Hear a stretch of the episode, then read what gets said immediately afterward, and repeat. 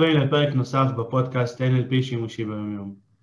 בכל פרק אני לוקח איזשהו תחום מחיי היומיום שלנו ובעצם משתף הרבה מאוד כלים מ-NLP כדי להתמודד עם זה בהצלחה. ובסקר שנתקלתי עליו לאחרונה, שנערך בנובמבר האחרון, שזה כבר היה בזמן קורונה, אה, הלשכה המרכזית לסטטיסטיקה בעצם אה, שיתפה ש-37% מהאוכלוסייה שהיו בסקר דיווחו על תחושות של לחץ וחרדה. 19 מהם דיווחו על תחושות של דיכאון. בהמשך לסקר היה רשום שבשנים האחרונות יש זינוק בצריכת נוגדי הדיכאון בישראל. למעשה אנחנו הופכים לחברה שהיא יותר מרוגשת אבל הרבה פחות מאושרת. וכדי לדבר על הנושא הזה, אני מארח היום את אה, מרי אור, שהיא אה, פסיכותרפיסטית הוליסטית עם דמיון מודרך, NLP, תרפיה בצבעים, מרצה באוניברסיטה הפתוחה, מומחית לטיפול בחרדות ודיכאונות, וראיתי גם עוד שלל של דברים שאת uh, למדת ועושה תוך כדי, אז uh, ניסיתי להביא את, ה, את הרוב. כן, uh, האמת היא שכן, יש לי הרבה כובעים, אבל כל כובעים בעצם מדברים על דבר אחד, איך לחיות במקסימום סיפוק. מה כדאי באמת, איך כדאי uh, ליצור לעצמנו, בעצם כדאי ליצור לעצמנו את החיים שהיינו רוצים ליצור. השאלה איך עושים את זה. ואתה יודע מה? כן. זה די פשוט. הבעיה, העניין הוא שאנחנו, רובנו מספחים והופכים את הפשטות הזאת למשהו מורכב. אה, כן, יש באמת הרבה אנשים, אתה יודע, קודם כל, אם אנחנו כבר מדברים על חרדות ופוביות ופחדים וכל הקשיים הרגשיים האלה, כולנו חווים פחדים. אין אדם שלא פוחד בינינו. נכון. אלא מה? אלא מה? אלא מה? יש כאלה שפוחדים יותר. מתוך הניסיון אני רואה שתמיד יש סיבה למה אדם אחד באותה סיטואציה פוחד יותר מאדם אחר. אוקיי? Okay? למה אני לא נכנסת לפאניקה ולחרדות מהקורונה ואחרים? כן. אנשים פונים אליי במצוקות כאלה או אחרות, ובכל הפעמים זה יושב על, ה... על, ה... על התבניות האלה שנוצרו במהלך החיים, מתוך ניסיון, מתוך uh, חוויות חיים, אנשים uh, uh, יצרו לעצמם אמונות מתוך ניסיונות, אתה יודע, מה שקורה, שמספיק ש... יגידו לי איזשהו משפט באיזשהו שלב בחיים, אז זה כבר הופך אצלי לאיזשהו קושי, וזה יוצר אצלי איזושהי תבנית, לא בסדר, אני לא בסדר, אני לא מספיק, אני לא יודע. אה, וזה מלווה אדם כל כך הרבה זמן, עד שיש עוררות יתר של המערכת, ואז יש קריסה. זה מצב שנקרא באמת, אדם חווה חרדה בפעם הראשונה, הוא אפילו לא יודע שזאת חרדה. הוא מבין שמשהו אצלו לא בסדר.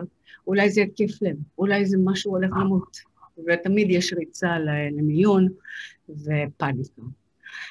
בפעם השנייה כשהוא חווה, הוא מבין שזאת חרדה, זה הרבה יותר קשה. שמסתבר, אתה יודע, ברפואה, חרדה אה, היא, היא בעצם אה, מוגדרת כהפרעה, mm-hmm. הפרעה נפשית. ברגע שאדם קולט שזאת הפרעה נפשית, אז מתחיל הקושי היותר גדול. למה?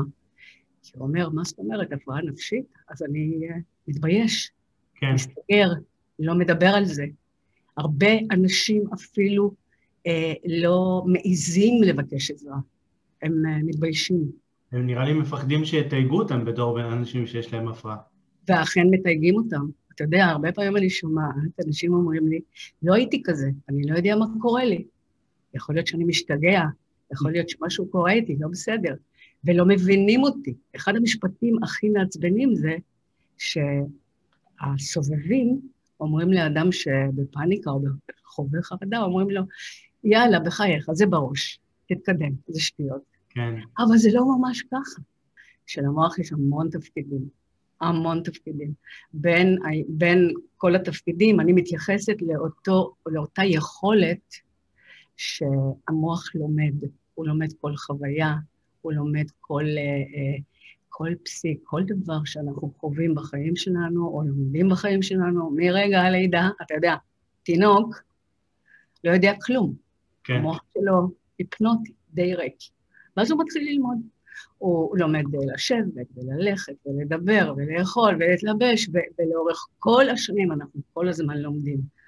כל למידה כזאת נקלטת במוח. זאת אומרת, המוח קולט, מאבד, ויוצר סוג של זיכרון, אוקיי? אה, קשרים סינפטיים. אני קוראת לזה כמטאפורה תבניות. יוצר תבנית. יש לו המון המון המון תבניות שאנחנו אפילו לא מודעים להן. מה שיפה הוא, וטוב שכך, שהתבניות האלה אה, מנהלות אותנו באופן אוטומטי, מה שאומר שאנחנו לא צריכים כל שנייה בחיים ללמוד מחדש איך להחזיק מזלג ולאכול. עד כדי כך. את יודעת, אני חושב על זה שעלתה לי איזושהי מטאפורה, שילד שנולד, תינוק, אז הוא לומד מההורים שלו גם את, את המנהגים של המקום וגם את השפה, כי, כי הרי ילד שנולד בישראל אז הוא לומד נגיד שפה מסוימת ומנהגים מסוימים, וילד שנולד בדנמרק או בארצות הברית או בכל מקום אחר אז הוא לומד שפה אחרת, מנהגים אחרת, דת אחרת, הוא, הוא בעצם נחשף לעולם של ההורים שלו ולומד מהם הרבה מאוד דברים. נכון. ואותו הדבר, הוא גם לומד מהם דפוסי התנהגות שלהם, דפוסי התבטאות שלהם, אפילו מחשבות שהם חושבים, הם חושבים שלא רואים את זה, רואים את זה, אנרגיה זורמת, רואים אותה. נכון, לגמרי. בעצם תינוק באמת סופג הכל, כמו שפה, גם את דפוסי ההתנהגות של ההורים. חד משמעית. לא, הם לא ראו, הם לא שמעו, הם ראו ושמעו. זה בדיוק, זה בדיוק סוג של למידה. תינוק לומד את מה שהוא, את מה שמזינים אותו, וגם שלא מזינים אותו. הוא קולט חוויות, הוא קולט דיבור, הוא קולט שפה, הוא קולט uh, uh, התנהגות. ו- וכל הדברים האלה באמת נצרבים במוח, והופכים לתבניות שמנהלות אותנו לאורך כל החיים. Uh, מצד אחד אני אומרת, זה מצוין, כי באמת אנחנו לא, לא היינו אמורים ללמוד כל דבר מחדש שוב ושוב, זה כן. הרי היה בלתי הגיוני, אוקיי? זה מצוין, אני אומרת זה יופי, אבל פחות יופי זה שהמוח קולט גם חוויות, חוויות טראומטיות. מספיק שפעם אחת נתקלתי במעלית, וזה היה בדיוק חצי דקה, וזה מלווה אותי חיים שלמים ואני לא נכנסת יותר למעלית. דוגמה קטנה. או מספיק באמת שאמרו לי איזשהו משפט שיצר אצלי חוויה של אני לא מספיק טובה, זה הולך איתי כל החיים, עד כדי כך שאני אפילו לא מצליחה לדבר מול שני אנשים. וזה יכול להיות גם הכי קרובים אלינו, נכון? כמו ההורים שלנו, האחים שלנו, חברים שלנו בכיתה.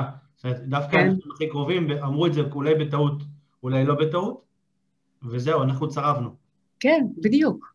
ואנחנו צרבנו. בעצם זה לא אנחנו צרבנו, זה המוח. כן. ועכשיו, כשאנחנו מבינים את היכולת הזאת של המוח, אז הטיפול, במרכאות, או השחרור מאוד פשוט. פשוט אנחנו הולכים ללמד אותו. ואנחנו, מה שאני עושה בתהליכים, באמת, תהליך מאוד קצר של שלושה מפגשים, כי אני אומרת, המוח לא זקוק ליותר משלושה מפגשים כדי להבין, כדי ללמוד. Mm-hmm. אנחנו מלמדים את המוח אה, משהו אחר שאנחנו רוצים. כי אם זה מה שהוא יודע, הוא יודע ללמוד, אז יאללה, בוא נלמד אותו. והתפקיד של המטופל אה, בתהליכים שאני מעבירה, באמת לתת הוראה חדשה, וזה באמת אה, דיבור חדש, מחשבה, דיבור ומציאות. אה, וזה מאוד פשוט. אתה יודע, אני עושה תהליכים באמת מאוד קצרים ובאמת מאות מטופלים שיצאו מזה. תמיד, אתה יודע, יש אנשים כאלה שמראש אומרים להם בטלפון, מרי אור, את יודעת להעלים לי את החרדות? אני אומרת, הלוואי והייתי כזאת שיודעת להעלים, הייתי מעלימה הרבה דברים בחיי. אני לא יודעת להעלים כלום, אוקיי?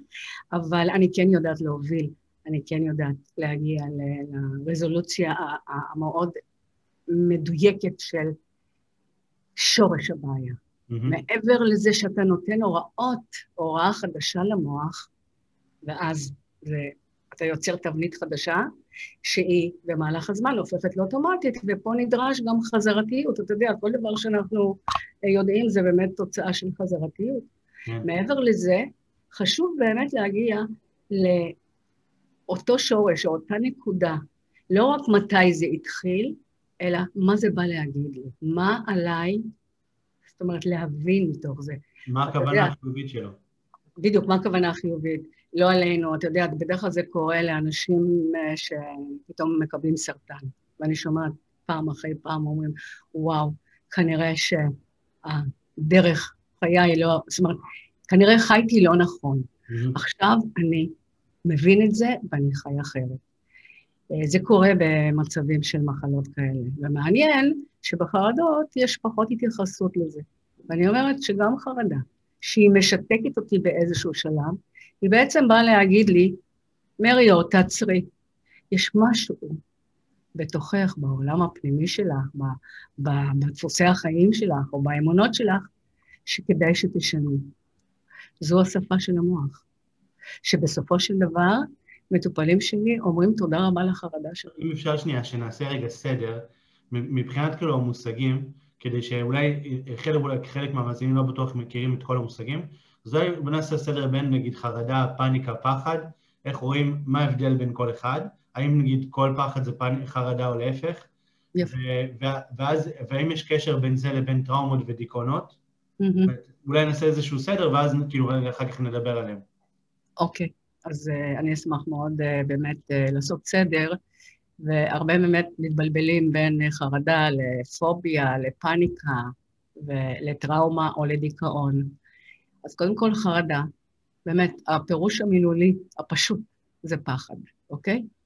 זה פחד שנוצר באמיגדלה במוח, והפחד הזה הוא חיוני לנו, כי לו לא היינו פוחדים, אז uh, היינו פשוט uh, uh, פוגשים סכנות. הייתי קופצת מקומה רביעית, הייתי חושבת שאני ציפור, אוקיי? אם לא היה לי פחד. אז טוב שאני פוחדת. אה, הפחד בעצם אה, שומר עלינו, אוקיי? עכשיו, מה שקורה הוא, אה, כאשר אדם חווה פחד, באופן טבעי המוח קולט שיש סכנה, ואז הוא מעורר את המערכת העצבית הסימפתטית בגוף להגנה, flight או ברח או יילחם. ו- ואנחנו נמנעים באמת, זאת אומרת, הפחד גורם לנו לשמור על עצמנו, והוא באמת בא לידי ביטוי בגוף הפיזי. אז יש רעד, יש כל מיני תסמינים. אז מה זה חרדה? אם חרדה זה פחד. ההבדל הוא שחרדה גם באה לשמור עלינו בעצם. איך בדיוק? אה, חרדה זה פחד מדברים שעדיין לא קרו, שאולי יקרו. מתוך זה ששמעתי, מתוך זה שפתאום יש קורונה למשל, אנשים מתים, אוי ואבוי, אם זה יקרה לי, מה, מה יהיה עם הילדים שלי וכולי. זאת אומרת, חרדה זה פחד ממשהו שעדיין לא קרה. או פחד ממשהו שקרה לי בעבר, ואני חוששת שיקרה גם בהמשך. אנחנו עושים השלכה, בעצם עושים השלכה. השלכה ממקרה חיצוני או ממקרה שקרה לנו, השלכה על העתיד שלנו. זה אנחנו חושבים שאם זה כבר קרה בעבר, זה יכול לקרות שוב, או שאם זה קרה לאנשים אחרים, זה יכול לקרות גם לנו. בדיוק. ואז אנחנו כאילו מתגוננים מראש, אנחנו... אנחנו מתגוננים, כאילו... כן, אז אפשר לקרוא לזה משהו שבאמת שומר עלינו כביכול. עכשיו, יש את החרדה מהחרדה הבאה. אדם שחווה חרדה פעם אחת, אז הוא כבר חושש והוא נמנע להגיע למקומות אה, אחרים. אני תמיד נותנת את הדוגמה הזאת. תראה, אני למשל פוחדת באמת מנחש, נחשים. אם עכשיו יופיע נחש, אני מתאבנת, אני פשוט בפחד, אני פוחדת. ולפעם הבאה אני אשתדל לא להיות פה, כי אני כבר אדע, אולי, אולי יהיה נחש, ואז אני נמנעת מלהיות באותם מקומות. Mm-hmm. זה כבר חרדה. וזה מתחיל לנהל אותך ממש. וזה מתחיל לנהל אותי, ואני אה, לא הולכת למקומות מסוימים, אני לא נפגשת עם אנשים שאולי זה יקרה לי ואני לא יודעת איך אה, אה, לצאת מזה וכן הלאה. זאת אומרת, חרדה זה פחד, אבל זה פחד מדברים שלא קורים עכשיו, שאולי קרו, שאולי יקרו. התקף חרדה, תמיד מתבלבלים, מה, מה ההבדל בין חרדה להתקף חרדה? התקף חרדה, דרך אגב, זה פאניקה, פניק אוקיי? זה בעצם התקף פאניקה, מה שנקרא. התקף פאניקה, כן. קוראים לזה התקף חרדה, התקף פאניקה. אתה יודע, אה, אה, הפאניקה בכלל אה, זה על שם האל הקדום שקראו לו פאניק, והוא שם ישב על הכביש ומישהו הבהיל אותו והוא צרח. אז מאז, אתה יודע, הבהלה הזאת, בהלה, היא נקראת הפאניקה. אדם נכנס לבהלה, אדם נכנס לפאניקה, ושם באמת יש עוררות יתר של המערכת העצבית, המוח קולט את הסכנה, וואו, מישהו מבין אותי, ואז אדם יכול באמת לחוש כל מיני תסמינים, וכל אחד אה, חש דברים אחרים, שתבין, לא כולם אה, עם אה, דופק מהיר, יש כאלה שמרגישים זרמים, יש כאלה שמרגישים כאבים עזים בראש, או טינטון באוזניים, אה, אבל זה תופעות פיזיולוגיות שנובעות מפאניקה, ופה אפשר באמת, תוך כמה דקות, קודם כל הפאניקה הזאת חולפת, ההתקף חרדה חולף באופן טבעי בין שלוש לעד מקסימום עשר דקות. כשאנחנו מבינים שזה הזמן, אז יש לנו יותר יכולת להכיל את זה ולהסתדר עם זה. הבעיה היא שאדם שהוא בפאניקה, הוא לא חושב, הוא חושב שזה, הוא הולך למות. כי העולם נגמר עכשיו. כן, העולם נגמר עכשיו, ומבחינתו זה, אין מצב שזה ייגמר. ולמרות שזה מפסיק, החרדה מפסיקה, יש איזשהו אפטר שוק שאדם חווה במהלך שעה, ולפעמים אפילו חצי יום, אם זו פאניקה מאוד מאוד חזקה. אז, אה, אז צריך להבדיל בין פאניקה. עכשיו, אחד הדברים אה, שבאמת אפשר ליצור מצב של השתקה מיידית של הפאניקה, כאשר אתה עושה פעולות מאוד מסוימות, והן עובדות על המוח, וזה באמת ב-NLP, אנחנו יודעים שכמו אה, למשל אה, להצמיד לשון לחך ולהרים מבט אה, לגובה, מעל גובה העיניים, למקד מבט בנקודה אחת. מה שקורה בפעולות האלה, איך הן עוזרות? הן קודם כל באמת משתיקות את ההתקף. Mm-hmm. איך הן עושות את זה? אנחנו פשוט עוברים מאזור הדיבור לאזור השמיעה ואזור הראייה. מסתבר שהדיבור שלנו, ואני מאוד מאוד מתייחסת למילים, יש לי גם ניסוי שעשיתי ואני מראה את זה למטופלים, אה, מילה מאוד משפיעה, לא ברמה הפסיכולוגית והרגשית, היא משפיעה פיזיולוגית. עכשיו, כאשר יש לי דיבור פנימי בלתי פוסק, mm-hmm. אוקיי? של מה יהיה ואיך יהיה, ואני עומדת למות ואני לא יודעת מה קורה לי, אנשים לא מבינים אותי, כל הדיבור הזה בעצם מעורר ו- ומזין את אותה תבנית שנקראת חרדה. דיברתי בהתחלה על תבניות. אז uh, התבנית שנוצרה באיזשהו שלב בחיים, אני קוראת לה חרדה. זה מזין את הפחד בסופו של דבר, נכון? מזין את הפחד הקיומי. בדיוק. ואז זה באמת יש, uh, uh, כל הקושי הזה, uh, לעתים הוא גם במהלך שעה או חצי יום, ואנשים באמת מותשים מזה. אה, כשאנחנו עושים את הפעולות האלה, אנחנו בעצם אה, עוברים מאזור הדיבור במוח. אנחנו מנקים את האזור הזה. כאשר המוח לא קולט מילים, לא קולט דיבור, בטח לא דיבור מפחיד, הוא רגוע. Mm-hmm. וזה מה שקורה באמת, אנשים שעושים את הפעולות האלה, נתתי חמש פעולות בסרטון, את הפעולות האלה הם עושים, בהתחלה הם לא מבינים, כאילו זה נראה שטויות, אוקיי? אבל זה עובד על השתקת הדיבור הפנימי, וגם על איזון בין שתי עונות, כי הדיבור הבלתי פוסק הוא בעצם אה, מפעיל את העונה השמאלית במוח, שזו העונה שקשורה ל, ל, למילים, אוקיי? כן. חוסר, נוצר חוסר איזון בין שתי העונות, השמאלית והימנית. והפעולות האלה יוצרות את האיזון. ואני מאוד ממליצה לעשות לכולם, לא, לא חייבים לבוא אליי בהתקף פאניקה, יש ממש אה, כלים מאוד מאוד מעשיים, גם הפעולות, וגם להבין שזה שלוש דקות, תשימו שעון. כן. תשימו שעון, שלוש דקות, תראו, גם אם השלוש דקות האלה הן נוראיות, אבל להבין, אתה יודע, אתה מבין שיש סוף למשהו. אתה יודע שזה... אני בעבר, כשטיפלתי בזה, קראתי לזה גלים. אמרתי לו שיש ממש גלים, שכאילו מגיע גל, והרבה פעמים כאילו בגל מנסים להילחם בזה, מנסים להילחם בזה וזה, וזה לא עובד, זה רק מתיש עוד יותר, ובעצם אמרתי לו שברגע שבגלנו שנייה, אה, שנייה נותן לגל לעבור, כמו בים, שיש גלים, ואחרי שעובר הגל אז לפעמים יש כזה פתאום שקט, אז שייתן לגל לעבור ושיראה שתוך באמת, כמו שאמרת, כמה דקות, הכל, הכל משתחרר, הכל משתנה, משתנה לחלוטין. זה יופי של מטאפורה, הנושא על הרעיון של הגלים, שבאמת גלים עוברים. ככה אנחנו מתנהלים בחיים. גם uh, במצבי רוח או כל דבר, אתה יודע, יש יום כזה ויש יום כזה, תן ליום הפחות טוב לעבור, הוא יחלוף. איך אמר הרקליטוס, הפילוסוף היווני הקדום, עם הפנתרי שלו, שהוא אומר, הכל זורם ומשתנה. אתה לא יכול להיכנס לאותו נהר פעמיים ולהרגיש אותו דבר. זאת אומרת, גם אם תרצה או לא תרצה, יחלוף. הגל הזה יחלוף, הדבר הזה יחלוף. אה, אלא מה? בשעת אה, מצוקה, אתה לא בדיוק חושב על זה. אתה מבין? והחוכמה זה להבין מראש את הדברים ו, ו, ולתת הוראה שונה למוח. אני מתחיל לשלוט, אני מתחילה לשלוט. אם עכשיו כל התבניות שנוצרו במהלך חיי, כולל דפוסי התנהגות והאמונות והערכים, שחלק מהם אה, אולי כדאי שישנה. אולי כדאי שישנה. למשל, אתמול הייתה מישהי שאחת האמונות שעלינו על זה, היא לא נשואה, גרושה וכן הלאה, סיפור שלם. אחת האמונות שעיכבו אותה זה, גברים רוצים רק סקס. לא בא לי, אוקיי? ואז היא מוכנה באמת, לגמרי, היא מחקה את הנושא של הגברים מהלקסיקון שלה ומהחיים שלה. וזאת אמונה, שהיא נוצרה כתוצאה מניסיון כלשהו.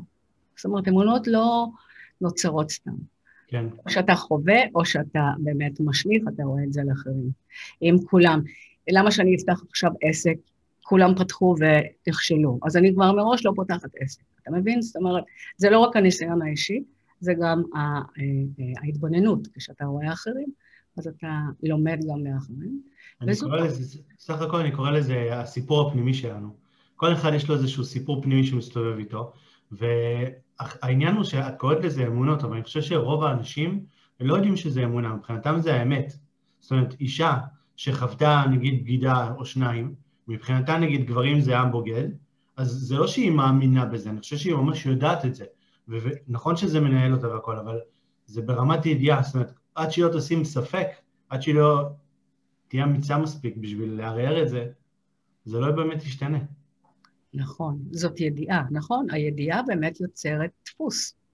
והדפוס אה, זה סוג מבחינתי, ואני מסכימה איתך, זה באמת אה, אה, ידיעה שפעם אחת נכוויתי, אז אני לא, יעז, לא יעבור את זה שוב, זה כואב, אוקיי? ו... אבל כשאתה מכליל את זה, שכולם כאלה, כולם בוגדניים, או כולם רעים, האנשים רעים, אז זה כבר אמונה, אוקיי? Okay. נכון, חוויתי את זה פעם אחת, אולי פעמיים, אולי שלוש, וזה התקבע אצלי במוח כל כך, שזה כבר הפך לאמונה כאשר אני מכלילה. ואחד הדברים ב-NLP, מי כמוך יודע, זה הדיבור שלנו בהכללות, בהשמטות, בעיוותים. אלה, קודם כל, אה, מאוד מבלבלים. אדם לא ברור לעצמו אפילו, ואנשים לא מבינים אותו. ואז נוצרים קונפליקטים ומאבקים. מה אתה אומר שאני כמו כולם? מה פתאום כמו כולם? האם יש מישהו שהוא באמת שונה? זאת אומרת, לדבר בהכללות ועיוותים בהשמטות, אני חושבת פה, זה, זה, זה עיקר, בין עיקרי הדברים ב-NLP, שאנחנו יכולים באמת אה, להעביר למטופלים אה, לדבר אחרת. הדיבור השונה אה, יוצר בעצם, איך אתה יוצר אה, למידה חדשה? על ידי דיבור שונה. המוח קולט מילים, קולט דיבור. מסתבר שהמילים הן משפיעות גם על, על המולקולות בגוף ובמוח, עד כדי כך. זאת אומרת, מספיק שאתה רק תדמיין שאתה מדביק על עצמך מילה, היא כבר אה, מגיבה, היא כבר יוצרת תגובה. וזה הניסוי שעשיתי בזמנו, אחרי אחת מההרצאות שלי, ואני עוסקת הרבה בהשפעות. השפעות. מה, מה באמת גורם לאדם להרגיש ככה או אחרת? אה, ואחד הדברים שמאוד מאוד משפיעים זה מילים. ואז אה, הייתה לי איזושהי הרצאה לפני שנים, ששם, אתה יודע, תמיד יש איזה סטודנט אה, שהוא מתקיל.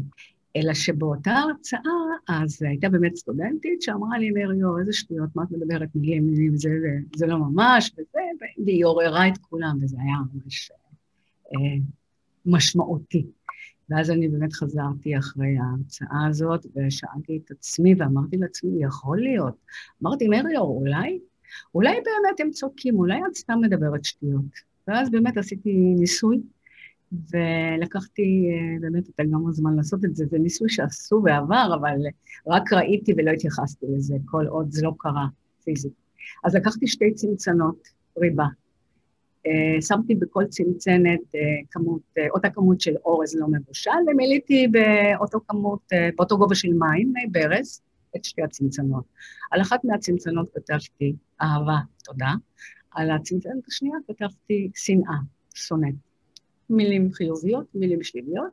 הנחתי את הצנצנות על השיש במטבח. רציתי לראות מה יקרה.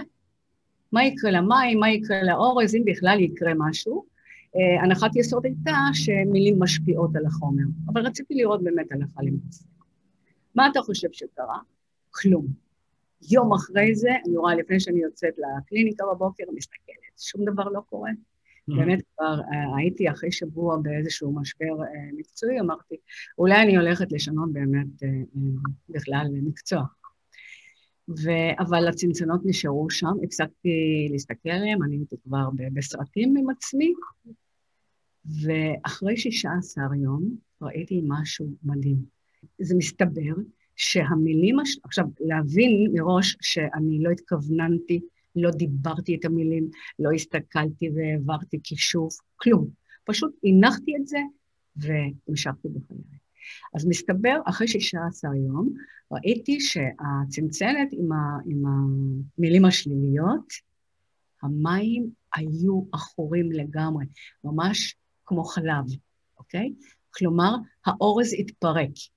עכשיו, אתה גבר, אני לא יודעת אם אתה מבשל אורז, אבל כשאנחנו שוטפים אורז, אז יש את העמילן שיוצא. נכון. Okay? אוקיי? מתפרק. אז צנצנת אחת, כל האורז התפרק. המים היו לבנים. הצנצנת השנייה, המים היו צלולים, האורז היה אחד-אחד. ומפה הסקתי עוד יותר. קודם כל, זו, בשבילי זו הייתה הוכחה שבאמת, באמת, למילה יש כוח לשנות גם מבנה פיזיולוגי, ואני מדברת אפילו על מחלות, שלא לדבר על חרדות, אוקיי? כן. ומסתבר שהמילים החיוביות השאירו את האורז רגוע. הכל רגוע. לא התפרק, לא הייתה שם תסיסה, לא היה שום דבר, והמים נשארו צלולים. המילים השליליות יוצרות איזושהי תסיסה. זה בדיוק מה שקורה לנו, במוח ובגוף.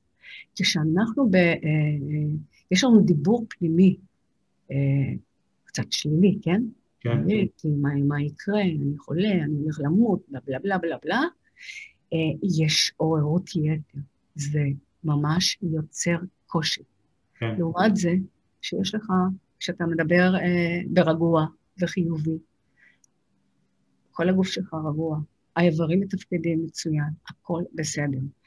את יודעת, בקליניקה שאני מטפל, כשאני שואל אנשים בדיבור הפנימי איך זה נראה, כולם, כמעט כולם, בוא נגיד באמת הרוב, מתארים איזושהי תמונה ממש גדולה מול העיניים שלהם, אוקיי? בצבעים בדרך כלל כהים, שחור, דברים כאלה, ודיבור, כאילו, הדיבור הפנימי החזק והסרט שהם בונים, ממש מול העיניים שלהם בענק, עוטף אותם, ובצבע כהה. ותמיד אני אומר להם, בואו, עכשיו, אתם, אתם כבר עושים את זה, אתם כבר מדברים, אתם כבר כאילו חוזרים על זה, הסרט כבר, הוא, הוא קיים, הוא פור שחור גדול. מה אם, מה אם, את יודעת, קטן, מה אם קטן, מה אם במקרה זה לא יקרה? מה אם במקרה הכל יהיה בסדר בסוף? אז איך זה היה נראה? ואז הם מתחילים לבנות תמונה אחרת לבנה. ואז אני אומר, אז בואו תשימו אחד ליד השני, אז איך זה נראה? ואז זה בעצם משנה את הכל, כי, כי בעצם כשיש לך רק סרט שחור מולך, אתה, אתה רואה הכל שחור. נכון. אתה יודע, בהקשר הזה, בהחלט, כשיש לך באמת אה, רק תמונה שחורה, זה מה שאתה רואה. בעצם, מסתבר שהמיקוד שלנו הוא מאוד מצומצם, איך שאנחנו רואים את החיים ב, ב, בצורה מאוד מצומצמת. הראייה הרחבה יותר, אתה יודע, איך אה, אחת הנחות היסוד אה, ב-NLP זה המפה היא לא השטח, ותמיד יש לנו עוד אפשרויות, ותמיד יש עוד.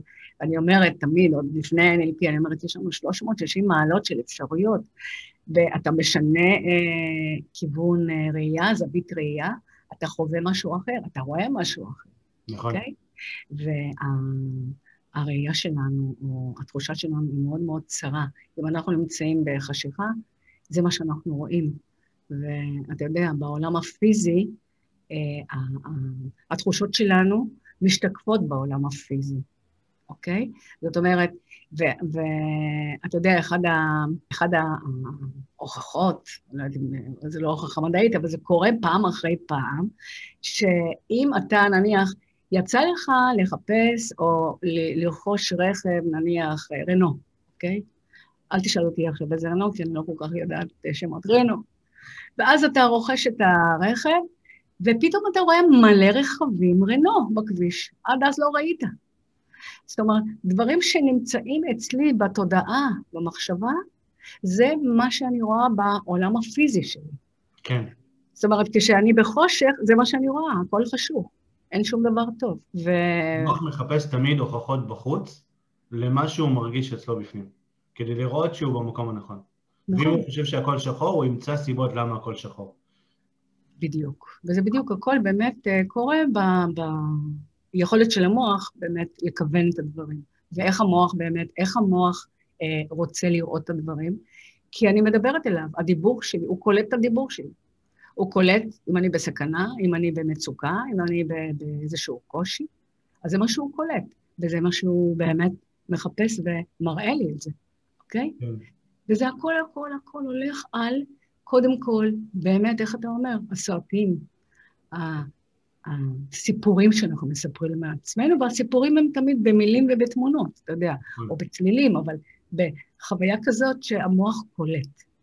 ברגע שהמוח קלט, אנחנו כבר משוחררים מליישם את זה, הוא כבר יודע. הוא כבר יודע בדיוק אה, איך אה, להביא לנו את זה מהעולם החיצון אלינו. אז באמת, אנחנו, הנה, צדקתי. אמרתי לך שהכל אה, לא בסדר, אמרתי לך שהוא לא בסדר. וזה מעניין. עכשיו, אני רוצה רגע להתייחס למשהו שמאוד חשוב לי להעביר אה, לאנשים. בטח. אה, יש, בנושא של חרדות ופחדים. אני דיברתי על חרדה והתקף חרדה, ותכף אני אדבר גם על, אה, על פוביה. כן. בדרך כלל, אני מאוד מעריכה ושמחה על אלה שמחפשים עזרה, שרוצים לעזור לעצמם, במיוחד בחרדות. כי במחלות אחרות, זאת לא מחלה, אבל במצבים אחרים, נניח בן אדם חולה לב, אז הוא מחפש ישר עזרה, הולך לרופא הכי טוב וכן הלאה. חולה כליות, יש לו גם כן. אה, הם לא מתביישים, הם הולכים ועוזרים לעצמם, מקבלים עזרה מקצועית. כן. בנושא של חרדות, יש פחות אנשים שמחפשים עזרה, כי הם מתביישים. Mm-hmm. או מתביישים, או הם אה, נכנעים, נכנעים לגורל שלהם. כנראה ככה זה, זה הגורל שלי, אין לי מזל, ובלה בלה בלה, והם נשארים באותו מקום, וזה חבל. אני פשוט קודם כל אה, רוצה להודות לכל אלה שפונים אליי, שפונים אליך, שפונים אה, לכל מי שיכול לעזור להם. מבחינתי, זה צעד ראשון בתהליך שחרור.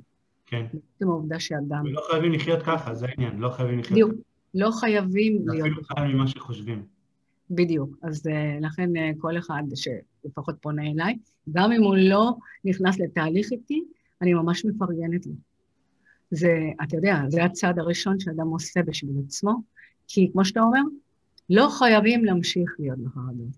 חרדה היא לא חייבת להיות כל החיים, אוקיי? זה גם סטיגמות שאני מנפצת. חרדה גם לא משגעת. אתה יודע מה משגע? הפירוש שאני נותנת לזה. שכאב, פיזית, הכאב אה, הוא לא כואב, זה הפירוש. זאת אומרת, זה המוח יוצר את הכאב, הפירוש שאני נותנת לזה זה כואב. כן, או למשל... מצבים פשוט, את ה... בדיוק, כן. בדיוק. עכשיו אני רוצה לדבר על פוביות. בעצם פוביה זה פחד אה, מדבר מסוים.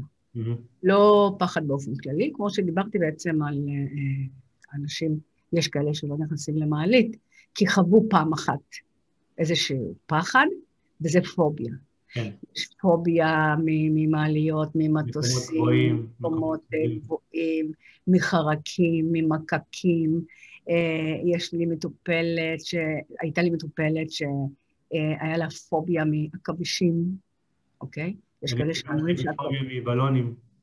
נכון, יש המון פוביות, אנשים מפתחים אה, מלא פוביות ולא סתם, כי פעם אחת נתקלו במשהו, פעם אחת קרה להם משהו, וזה נצרב במוח.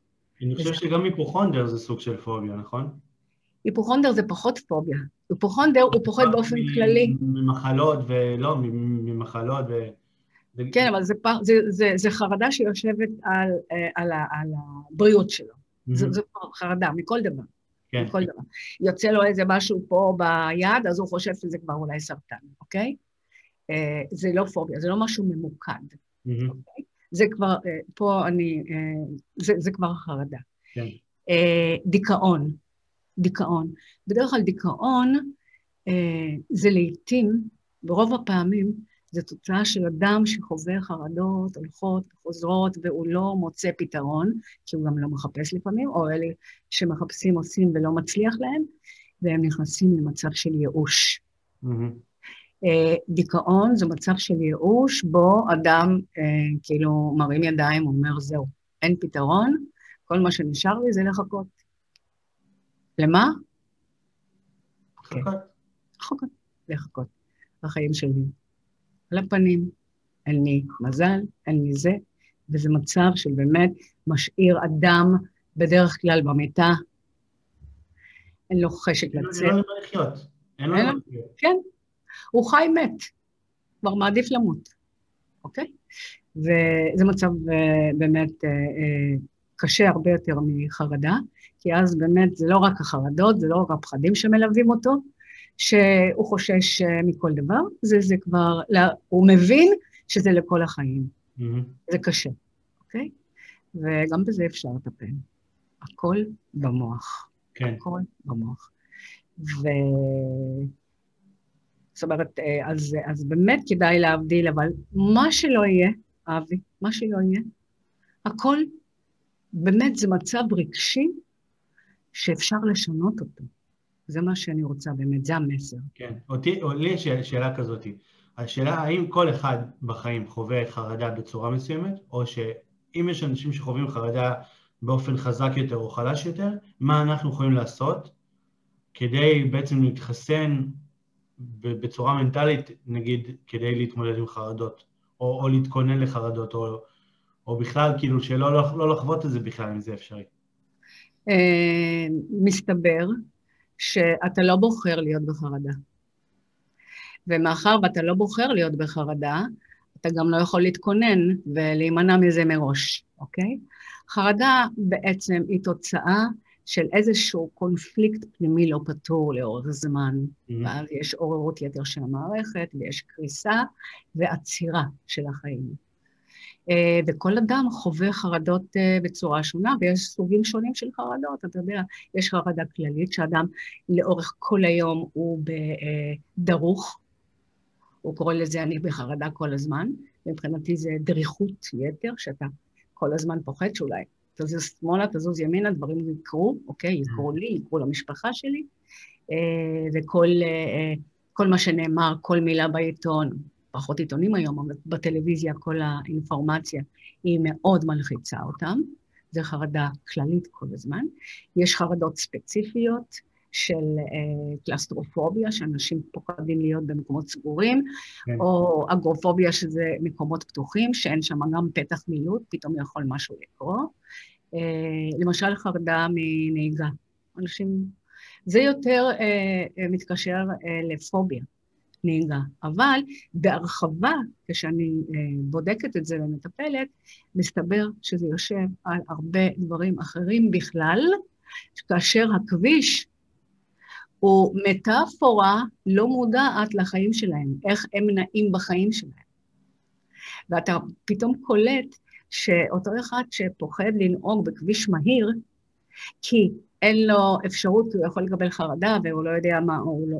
זה הפחד, מסתבר, הרבה פעמים זה יושב בכלל על מקומות אחרים בחיים שלו, שהוא אמור לעצור, כי הוא התנהל מהר מדי, הוא לא ראה את הדרך.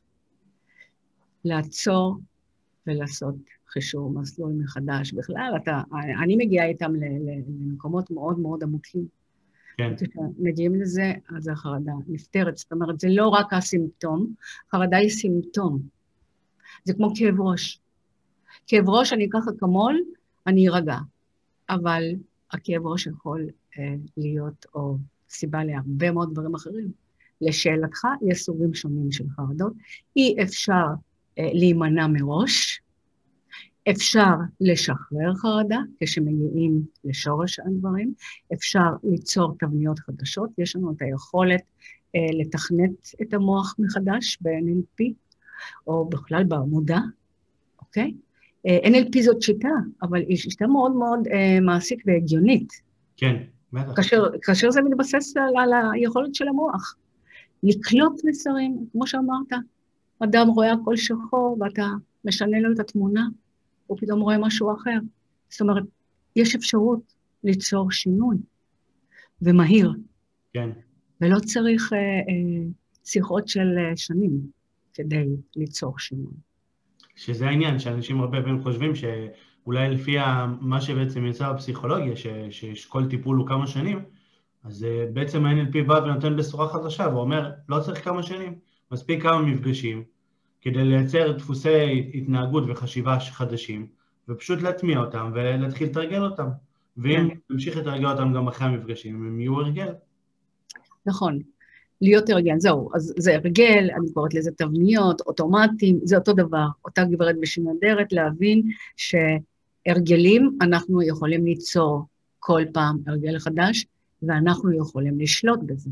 כן. זאת אומרת, אם, אה, אם יצרנו הרגלים בתת המודע או בלי חשיבה, כי ככה ההורים לימדו אותנו, ככה המורים אמרו לנו, ככה החברה מצפה, ונוצרו הרגלים, הרגלי התנהגות, הרגלי חשיבה, הרגלי אה, דיבור.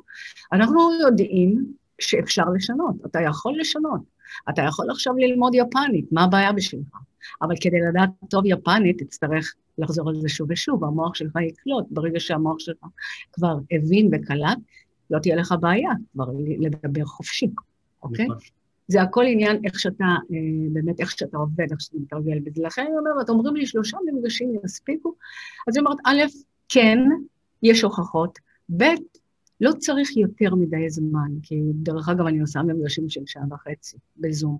אז הרבה פעמים אנחנו מפחדים לעשות שינויים בחיים, כי מה יקרה, ואיך זה ייתפס, ומה יהיה עם זה, ואם אני לא אצליח, ואם זה לא יעבוד. ו- ואפילו את אמרת בהתחלה, שבעצם בהתחלה, אפילו גם את פחדת מלעשות את השינויים האלה.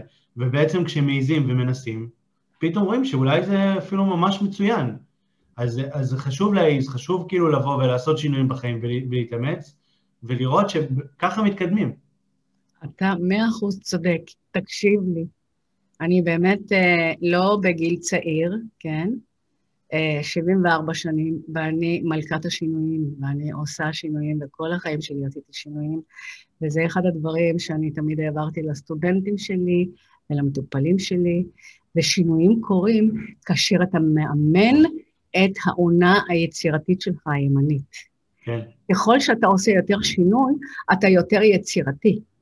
והשינויים האלה שעשיתי בחיי ועדיין, והנה עובדה, זום, באמת זה שינוי, שחברות שלי אה, בגילי, הן אפילו לא יודעות איך אה, אה, להתנהל עם וואטסאפים, עד כדי כך. והש, והשינויים, ככל שעשיתי יותר שינויים, היו לי בזמן אמת של מצוקה, של קושי, פתרונות יצירתיים. כן. זאת אומרת, לא הייתי מקובעת. פתאום היו לי פתרונות יצירתיים, אני מדברת איתך על משברים אה, לא פשוטים שחוויתי, אבל אני לא רוצה לדבר על זה, כי זה לא הרעיון. אבל מה שאני אומרת לאנשים, תעשו שינויים, תשנו, תעיזו. זה לא רק ירענן אתכם, זה גם אה, מפעיל את העונה היצירתית, העונה הימנית, כך שבזמן אמת, כשאתם באיזשהו קושי, באיזשהו קונפליקט, אתם תראו שתהיה לכם בכלל אה, איזשהו פתרון שלא חשבתם, פתרון יצירתי. אה, בהקשר הזה, אה, חלק מהמטופלים אומרים לי, אני הייתי רוצה לחזור, אני, אני שואלת, מה אתה רוצה? אה, אתה יודע, כן. ש... אז רובם אומרים, אני רוצה לחזור למה שהייתי, הייתי שמח, והייתי זה, והייתי רוצה. ואז אני פה עוצרת. ואני אומרת, אם אתה רוצה לחזור למה שהיית, אין לנו מה לעשות פה. כי אם תחזור למה שהיית, אתה תגיע לאותו מקום. נכון. כנראה שמה שהיית הביא אותך למה שאתה עכשיו איתי. אתה הולך להיות הגרסה המשודרגת שלך. להבין שהולך להיות שינוי. כי אני לא אחזיר אותך לאותו מקום. כן, הרבה יותר חזק, הרבה יותר מלומד. נכון, הרבה יותר אחר, בדיוק. אתה הולך לעשות שינוי. אתה יודע, חרדה היא החוליה האחרונה לפני יצירת שינוי טוטאלי, שנדרש מאיתנו, ואנחנו לא מבינים את זה, ו... ואנחנו חווים את הקשיים, אם זה חרדות, אם זה מחלה אחרת. ברגע שאנחנו מבינים, הכל נפתר. אני אומרת, אה, אה, החרדה הזאת, שאנשים יחשבו, זה כמו איזה מכה שהם מקבלים בראש, תעצור. לא הבנת, ניתן לך עוד מכה. אדם מתחיל עם חרדה מינורית, וזה הולך ומתגבר. אחת התחילה רק עם חרדה מטיסות. כן. פתאום זה הלך והתגבר לנסיעות uh, ברכב. זה הלך ו- ונהיה שהיא לא יוצאת כבר מהבית, עד כדי כך. זאת אומרת, אתה לא מבין, אני אתן לך עוד מכה. אתה לא הבנת, אני אתן לך עוד מכה, עד שאתה תבין. זאת השפה שלה. הפרק השלישי בפודקאסט הוא עם קרין אביבי, והוא פרק מדהים שמדבר על, על בעצם יציאה ממשברים, אוקיי? ושם היא אומרת משהו שהוא, כמו שאת אמרת, שהרבה פעמים אנשים מחכים למשבר, ממש למשבר, בשביל לעשות שינוי. ויש המון סימנים בדרך, שאתה יכול בעצם באופן יזום לעשות את השינוי, ולא לחכות עד שמגיעים מים עד נפש. זאת אומרת, כשאתה כבר מרגיש שמשהו בפנים לא טוב, שאתה סוחב ושלא טוב לך, תבוא לטיפול. אל תחכה לרגע האחרון שכבר, זהו, חווית חרדה קשה, או דיכאון, או משהו שהוא באמת כבר, הגעת כאילו עד הקצה עם הלשון ואתה בא. תבוא לפני, הרבה יותר עם כוחות, השינוי יהיה הרבה יותר קל. זאת אומרת, אל תחכה למשבר, ממש לפני המשבר תבוא לעשות את השינוי. יפה. אבל מה לעשות שרובנו בנויים ככה, שאנחנו אמורים לקבל מכה מאוד חזקה כדי לעזור לעצמנו, או כדי להבין משהו. ואתה צודק, באמת, אל תחכו למשברים. אל תחכו לקושי הכי גדול. אבל מה לעשות, כנראה שהמוח האנושי והאנשים בנויים ככה, עד שאתה לא נותן להם איזו סתירה, הם לא יבינו שהם לא בדרך הנכונה. עד שאתה לא עוצר אותם, עד שאתה לא שם אין כניסה, אז אתה לא תסתובב ותלך לכיוונים אחרים, תמצא לך דרכים אחרות. אז אני קודם כל מזמין את כולם באמת, אה, במיוחד בקורונה, במיוחד בתקופה הזאת, תעזרו באנשים, תעזרו בקרובים, במשפחה, במטפלים. אנחנו פה בשבילכם, ולא צריך לעבור את זה לבד. אה, וגם אני רוצה להודות לך המון המון המון על כל השעה המדהימה הזאת. מלאה טוב. בערך, מלאה בתובנות, מלאה בכל טוב, ואני אשמח אם תוכלי לספר איך מגיעים אלייך. אני, אני גם אשים קישורים בסוף הפוסט, בסוף הפרק, mm. אבל בעצם איך מגיעים אלייך, אני יודע שיש לך אה, פייסבוק פעיל, נכון? פייסבוק פעיל מאוד, אה, אפשר לפנות אליי, לוואטסאפ, לטלפון, למייל, יש הרבה אפשרויות, זה מופיע בפייסבוק, אני אעביר את ה... כן, אני. פרטים בהמשך. כן. את הכל ובשמחה. ואני אשמח באמת שיפנו אליי גם לשיחות היכרות. זאת אומרת, זה לא חייב. רוצה לשמוע, רוצה uh, שתספרו. אל תתביישו. באמת, אל תתביישו. חרדה זה לא בושה, ואפשר לצאת מזה. תודה. רבה, מריאור. ולך אני רוצה להגיד לך באמת המון המון תודה, שזה היה לי uh, מרגש. מרגש. תודה רבה. תודה רבה.